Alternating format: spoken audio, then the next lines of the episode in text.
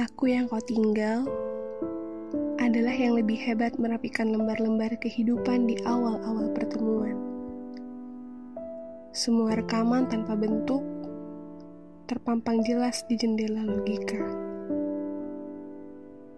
Dari yang tak penting untuk diingat hingga yang teramat penting untuk dilupa.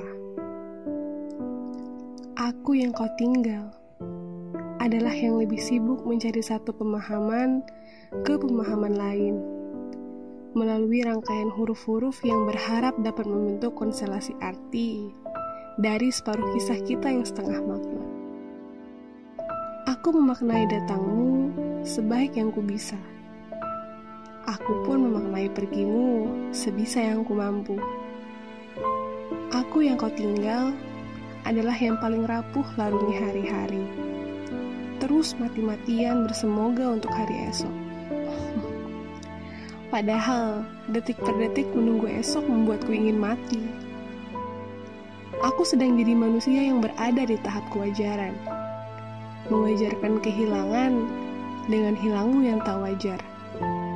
Wajar aku terluka. Wajar aku tidak bisa baik-baik saja begitu saja. Aku yang kau tinggal masih kebingungan menyimpan kenangan-kenangan. Apakah harus aku kremasi atau aku kemasi? Apakah harus kujadikan abu atau kujadikan rindu?